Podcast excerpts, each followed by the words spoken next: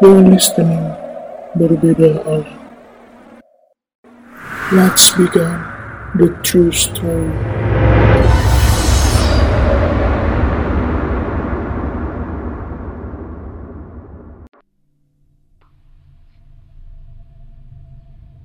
Halo semuanya, selamat datang di podcast Berbeda Alam. Kembali lagi bersama aku Fitri Latifah di segmen horor pesantren. Kali ini aku akan membawakan kisah true story di sebuah pesantren. Cerita ini berjudul Hantu Migrova yang ditulis oleh Mbah Ngesot di akun kumparannya. Daripada makin penasaran dan tanpa basa-basi lagi, cerita horor dimulai. Perkenalkan, namaku Basuki. Sekitar pertengahan tahun 2016 aku melanjutkan SMP di salah satu pesantren modern.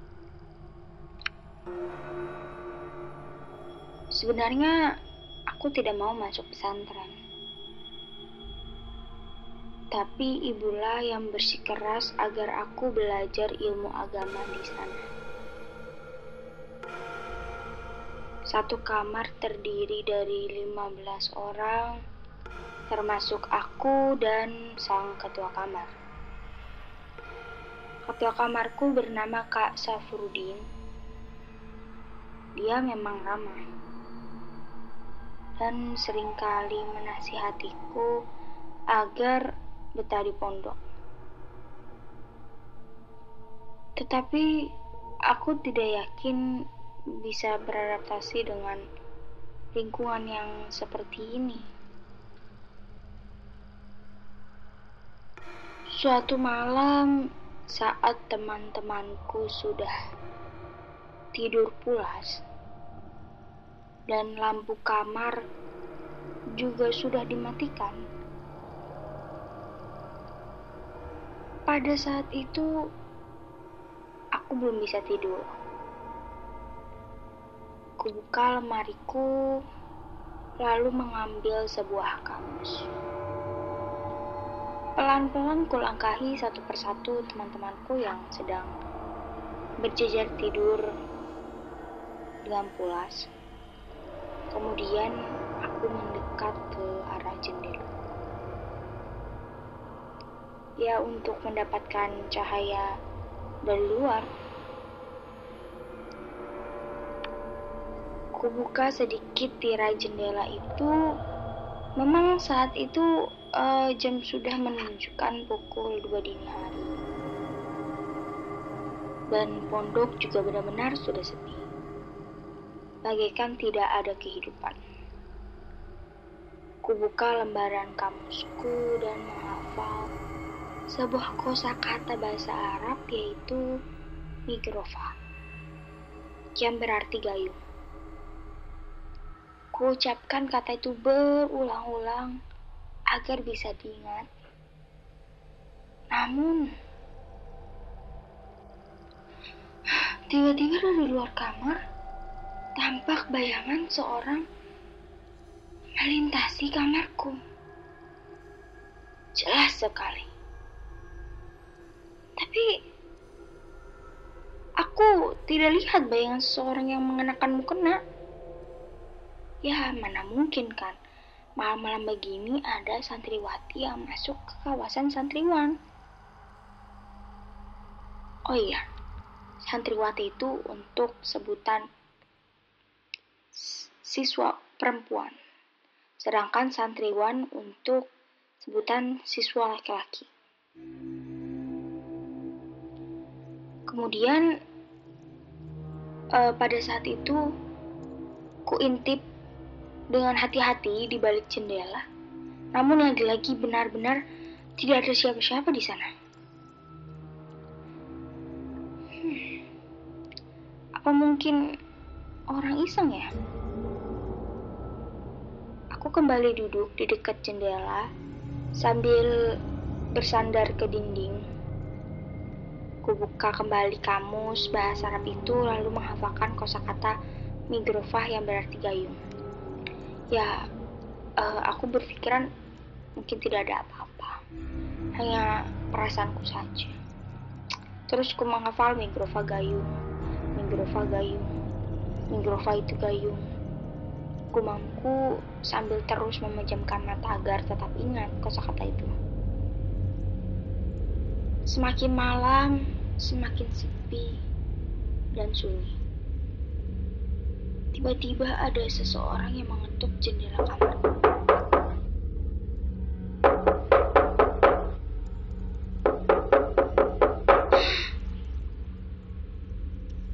Siapa sih? Aku kesal lalu membuka tirai jendela itu. Lagi-lagi, lagi-lagi. Tetap tidak ada siapa-siapa. Dan saat membuka jendela kamar, aku mulai sadar. Kamar ini ada di lantai tiga. Lalu siapa yang mengetuk? Bagaimana? Tak lama berselang dari kejadian itu, perutku mulas. Kayak, ini kenapa gitu kan? Aku ingin membuang air besar tiba-tiba.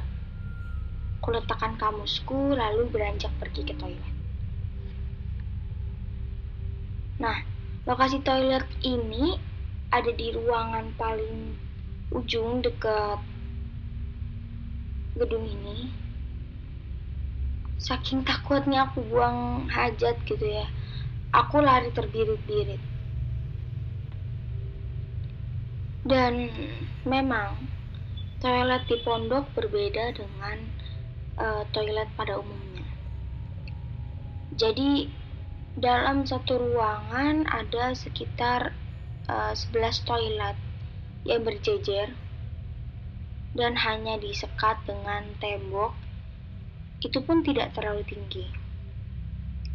Sehingga ketika uh, jongkok, maka teman yang sedang uh, di sebelah kita bisa melihat kepala kita.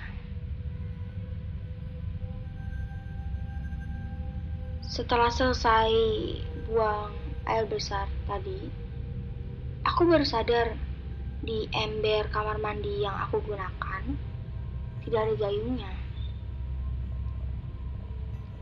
Namun bersyukurnya di samping kanan terdengar suara gemercik air. Dan tentunya ada suara gayung juga.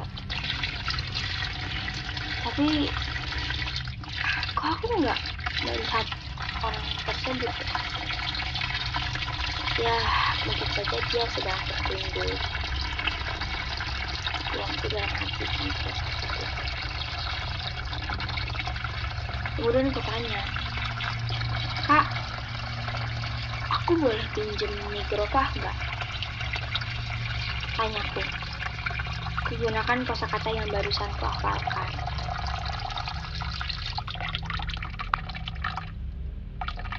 Satu, dua, tiga, belum ada jawaban. Kutanya lagi. Kak, boleh pinjem mikrofon enggak? Kemudian ada suara gemercik air yang semakin keras. Aku yang kala itu menyadari ada hal yang tidak beres, ingin segera pergi dari sana, tapi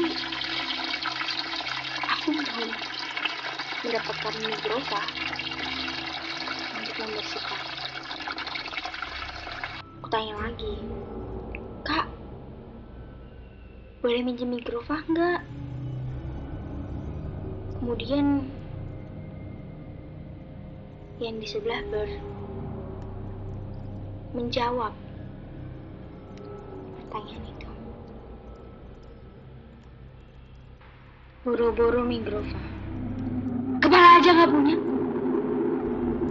Jawabnya jelas dari suara di sebelahku yang dari tadi aku tanyakan.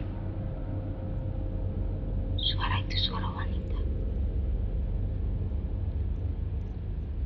Kemudian aku berdiri melihat ke samping toilet itu tuh saking entah mengapa aku melakukan itu.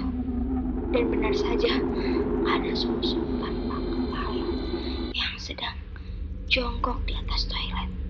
Aku pun lari terbirit-birit tanpa membersihkan dan santri di gedung itu sampai bangun karena teriakanku yang sangat keras.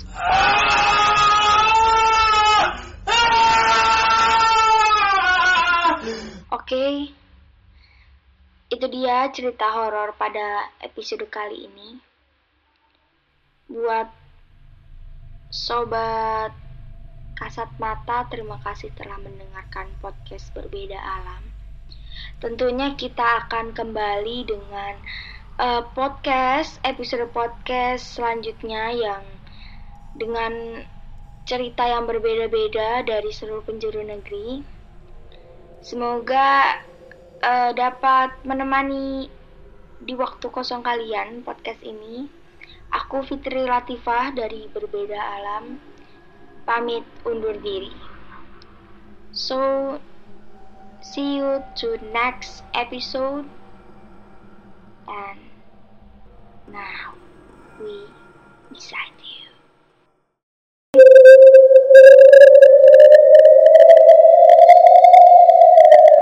Now, you're listening Berbeda Alam. Let's begin the true story.